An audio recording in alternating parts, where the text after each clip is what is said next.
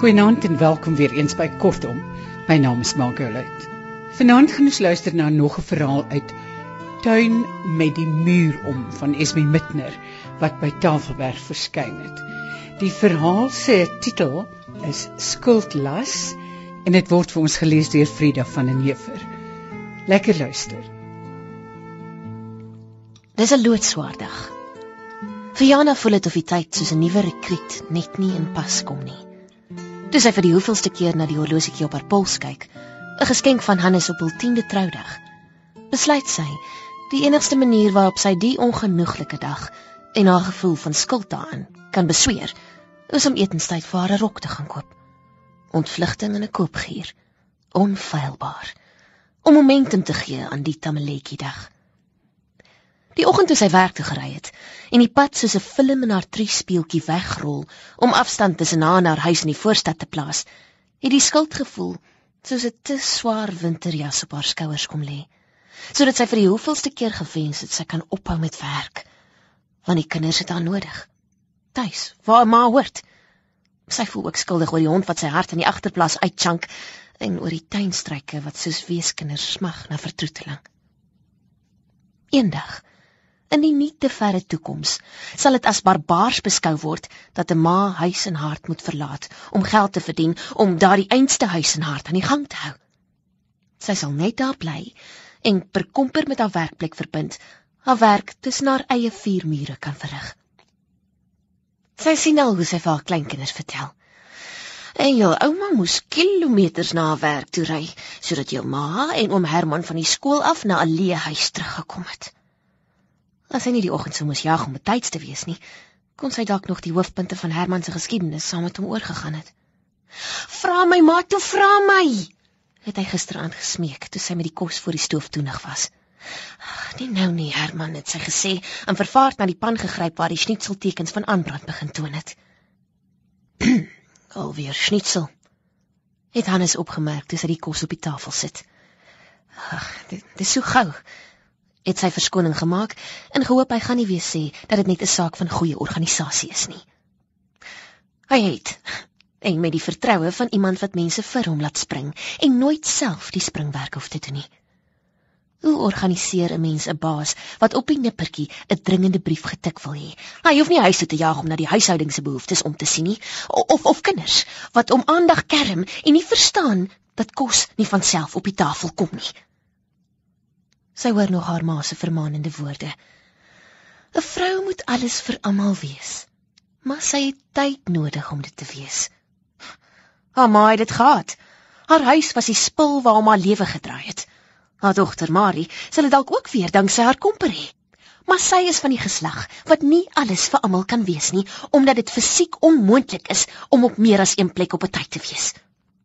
Nou sy op met werk, weet sy klaar, voel sy weer skuldig omdat Hannes alleen die mas moet opkom in 'n tyd van skrikwekkende prysstygings en groeiende kinders met toenemende behoeftes.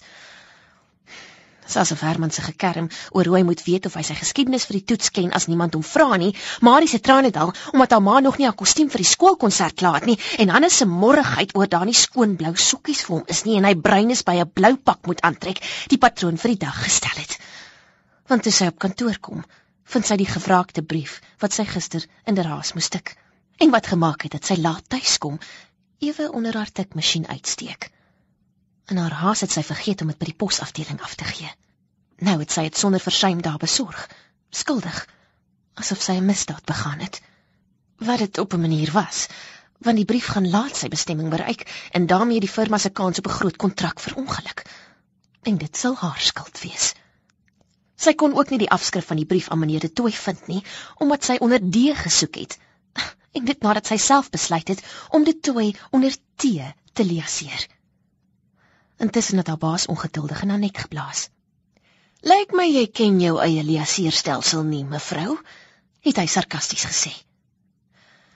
Sy is net nie bevoeg nie. Dit weet sy. Nog as sekretaresse, nog as vrou. Gisteraand was sy weer eens net te moeg. Ja, oor gisteraand voel sy amper die skuldigste.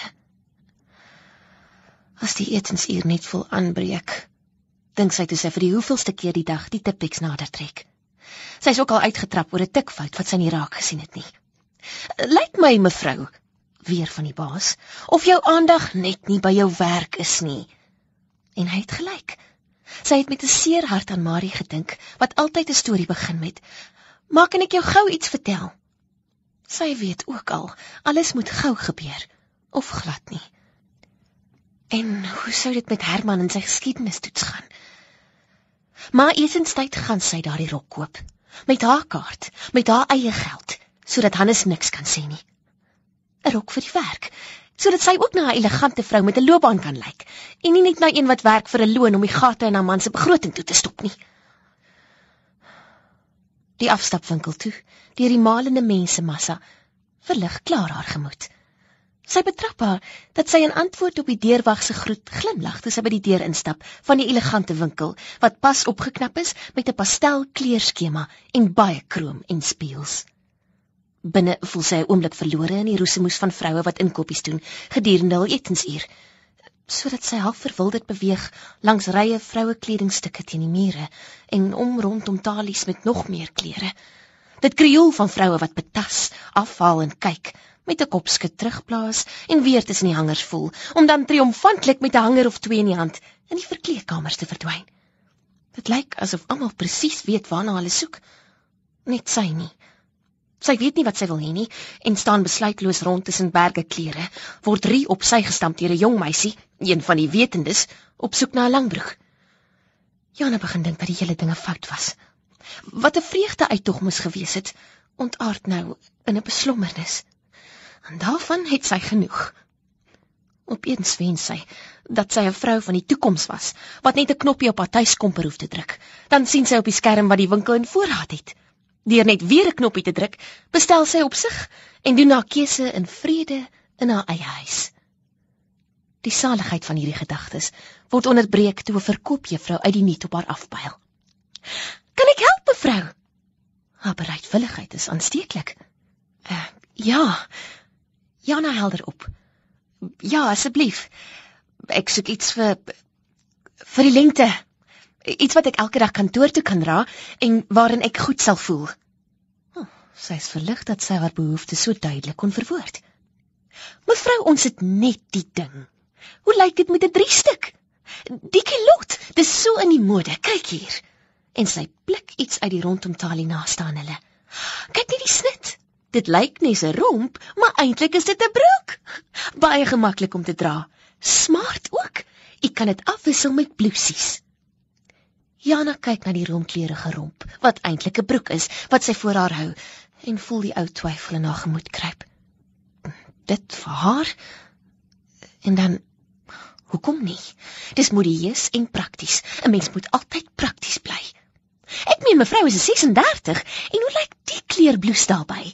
En hier is hy by passende dubbelbors baadjie. Elegant, nê? Nee? Kom ons gaan verkleedkamer toe. Dan glip mevrou dit gou aan. En daar trek sy met Jana op tou wat nie anders kan as om te voel na 'n skaap wat ter slagting gelei word nie. 'n Heeltemal gewillige skaapdarm. Sy moet haar inspann om nie aan die pryse te dink wat sy vlugtig op die kaartjies gesien het nie. Waar is die dae toe 'n pak 'n pak was met een prys? Nou word elke stuk apart verkoop en die afsonderlike pryse saam is iets eisliks. 'n Skuldgevoel kom soos naait in haar op. Kan sy soveel geld op haarself spandeer?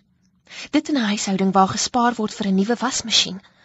En Hannes swets elke Saterdag oor die grasnyer wat ook beter dae geken het. Maar sy sluk dit af. Sy het mos gekom daarvoor. Oortuig sy haarself. En sy het dit nodig. Maak sy haarself wys. Sy kan dit amper nie glo toe sy die kledingstukke aan het nie. Gaan iets op die dag tog voorspoedig verloop. Dis dis nommer pas.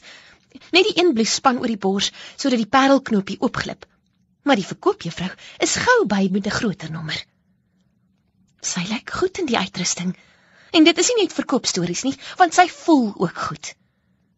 Vir die eerste keer vandag voel sy goed. Die saligheid van koop is salf vir haar beswaarde gemoed. En met so 'n goeie uitrusting het sy eintlik niks meer vir die somer nodig nie. Sy sal goed met verlede seisoen se rokkies deurkom. En dit het haar skaars 10 minute geneem om alles te vind. nou kan sy nog na die kant vir Marie se konsertkostuum gaan soek. Dis toe sy uittrek dat sy sien die ritsluiter van die broekromp is losgeskeur. Sy vestig die verkoopjuffrou se aandag daarop en wag dat 'n ander een gehaal word. Jana staan met haar aankope by die betaaltoonbank en kyk belangstellend hoe 'n plastiek pennetjie aan elke klerestuk met 'n spesiale masjien afgeknip word. Dan sluit die verkoopjuffrou met 'n lang gesig by haar aan. Sy is jammer, maar daar is nie nog 'n broekromp in die kleur en grootte oor nie. Sy kan mos maar maklik self die rusluiter met die masjien instik. Nee, sy kan nie. Kapjana in 'n oomblik van dapperheid terug. Sy het nie die tyd nie. Buitendien betaal sy genoeg daarvoor. Hulle moet dit doen.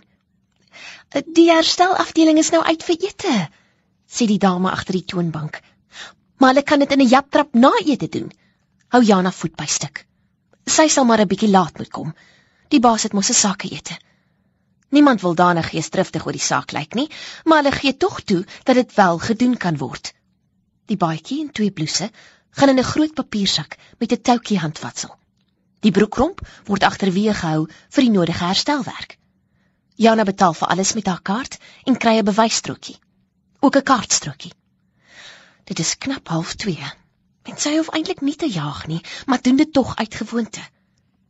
Net sowel, van die eerste winkel het nie die regte kleerkant nie. Die tweede een wel, maar nie in die breedte wat sy moet hê nie.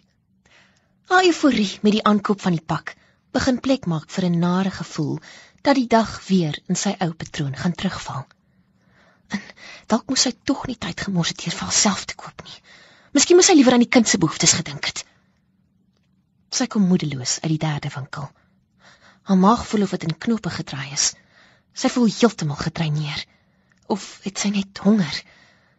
Ontbyt, hastige hap wat dit was, lê ver terug en die toebroodjie wat op kantoor wag vir teetyd weer ver in die toekoms. Telkens sy net 'n koppie koffie by 'n staankroeg sluk. Maar selfs dit duur langer as wat sy verwag het. Niemand lyk lus om haar geld te ontvang nie. En dit is reeds na 2 toe sy weer by die klerewinkel instorm. Sy gewaar nie die juffrou wat haar bedien het nie. Sy is seker nou met ete. Die winkel het intussen leeg geloop en sy gaan vra by die toonbank waar sy betaal het. Nee, die broekromp is nog nie terug van die herstelafdeling nie, maar sy sal bel. Hulle is besig daarmee, mevrou, wag net 'n rukkie. Hoe lank duur dit dan om 'n rits in te stik? Haar magsenuwees is die koffie ten spyt so in mekaar gestrengel dat sy wonder of hulle ooit weer sal ontknoop. Sy wou nie laat wees nie, maar sy is klaar laat en dit oor haar hardkoppigheid met die ritsluiter. Hulle het natuurlik meer om te herstel as net haar rits. Sy het lus en sê: "Gee maar, ek sal self 'n plan maak." Maar nou is dit onsinnig. Dit moet tog seker amper klaar wees. Om haarself te kalmeer, begin sy in die winkel rondstap. Bekyk dinge, probeer haarself oortuig dat dit lekker is. Sy kry so selde tyd daarvoor. Die serpe is pragtig. Veral 'n hemelsblou een, so fyn so spinnerak met 'n dramatiese geometriese ontwerp. Dit sou nou mooi lyk by die nuwe pak. Sy laat die punte deur haar vingers glip. Die prys daarvan pas by die Gucci in die hoek van die serp. Sy los dit asof dit skielik brand.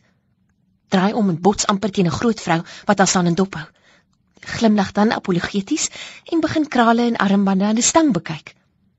Sy laat glip 'n breë, voorkleurige armband oor haar hand. Dis dan seker nie regte u voor nie. Dit sal ook mooi by die pak lyk. Maar wag, versoeking wyk. Sy kla genoeg gesondig deur soveel geld op haarself te spandeer. In gedagte hang sy dit terug aan die stang. Dan trek 'n piepklein kleurryke bikini haar oog. Sy hou dit voor haar en kyk in die lang spieël. Probeer haar lyf daarin voorstel, maar kan nie tog nie op haar ouderdom nie, met twee kinders op skool. Buitendien is die prys belaglik en dit vir twee eina stukkies lap. Sy hang terug. Weer is die vrou daar. Sy lyk so doelloos soos sy self. Toe sien Jana die meisie die trap afkom met haar broekromp in die hand. Verligting spoel deur haar. "Dankie," sê sy. "Dis myne." Sy kyk vlugtig na die rits. Alles in die hak. Sy maak die sak oop plaas die losgevoude kledingstuk by die ander en stryk aan deur toe. O, oh, sy's tog bly sy het vasgebyt. Sy glimlag met die deurwag, net so vriendelik soos toe sy anderhalf uur gelede ingekom het. Met 'n paar lang tree sy die straat af. Mense, sy is laat. Dis amper 03:30. Sy hoop haar baas het kans gesien vir 'n keer by die koffie en dat hy dit so geniet dat hy nog daar sit. Toe voel sy die hand op haar arm. "Uh, madam, dit is die deurwag. Will you please come with me back to the shop?" "Ok, what for? I'm in a terrible hurry." "Please, madam." Toe eers sien sy die benoudheid op sy gesig. Uh, "Just come, please." Terwyl sy nog weifel met 'n ergerlikheid wat wil wil posvat, word sy bewus van die mense in die straat wat hulle aanstaar. Dit is nie die gejaagde kantoorwerkers van die etensuur nie. Dit is mense wat tyd het verstaan en kyk, wat smag na afwisseling, na 'n bietjie drama. Sy voel hoe sy yskoud word van die kroontjie van haar kop tot die punte van haar tone. Sonder 'n woord draai sy om en stap saam met die man terug winkel toe. Dit voel of die paadjie onder haar wil wegsink. By die ingang staan die groot vrou en 'n man wat na 'n bestuurder lyk. Wat is verkeerd? stamel sy. Die winkelalarm het afgegaan toe hy uitstap, sê die vrou. En, en wat beteken dit? Dit beteken, sê sy met wat waarskynlik bedoel is om 'n charmante glimlag te wees, dat daar iets in u sak is waarvoor u nie betaal het nie. U moet net saam met ons kom. Dit is sekerlik 'n fout, maar ons moet net seker maak. Die paar mense in die winkel het ook tyd vir kyk. Geflank deur die man en vrou, voel Jana kompleet soos 'n misdadiger. Dalk is sy toe hulle na die betaaltoonbank stap. Van die mense stap saam. Hier kom 'n ding, voel hulle duidelik. By die toonbank neem die groot vrou, wat sekerlik 'n winkelspeurder is, die papiersak by haar en begin uitpak. Jana begin benoud asemhaal, soos 'n mens met koors. Het sy dan iets gevat? Of het iets dalk per abuis in die groot sak geglip? Erger nog, het iemand anders dit daarin gesit. Want dat sy skuldig is, het sy klaar aanvaar. Almal lyk so seker daarvan. En bovendien is so baie dinge wat in die lewe verkeerd loop, wel haar skuld. Met die baadjie, die gewraakte broekromp en die twee blouse reeds op die toonbank, vroetel die vrou dieper in die papiersak. Nou, dink Jana, nou gaan 'n armband of 'n serp of dalk 'n bikini. Tog belaglik, sy wil nie eens en hê nie daar uitkom. Maar die vrou se hand is net die betaalstrokie. Niks meer nie. Jana wil verlig voel, maar voel vreemd genoeg niks nie. Aan die baadjie krag vind hulle 'n plastiek pennetjie. Maar ek het een aan die mou afgesny. Protesteer die dame agter die toonbank. Daar moes twee gewees het. Knip dit nou maar af, sê die vrou terwyl sy die kledingstukke teen die betaalstrokie aftik. Kan ons u kaartstrokie sien, mevrou? Vra sy. Nou waarom dan? Wil Jana nog vra, maar sy gehoorsaam tog, soos 'n veroordeelde. Haar hande bewe toe sy in haar beursie vroetel. Ook dit is in die hak. Een vir een word die kledingstukke terug in die sak geplaas.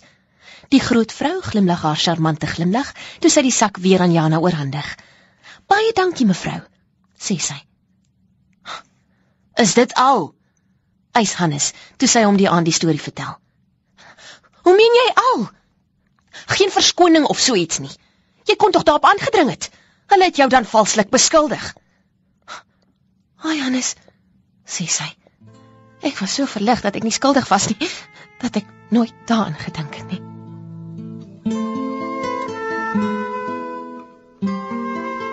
Frida van den Heever het vir ons Skuldlas van Esme Mitner gelees en dit het voorgekom in 'n bundel van haar met die titel Tuin met die muur om wat by Tafelberg verskyn het. Van my, Margolite, alles van die aller aller allerbeste. Tot volgende keer. Mag dit met ons almal baie goed gaan. Totsiens.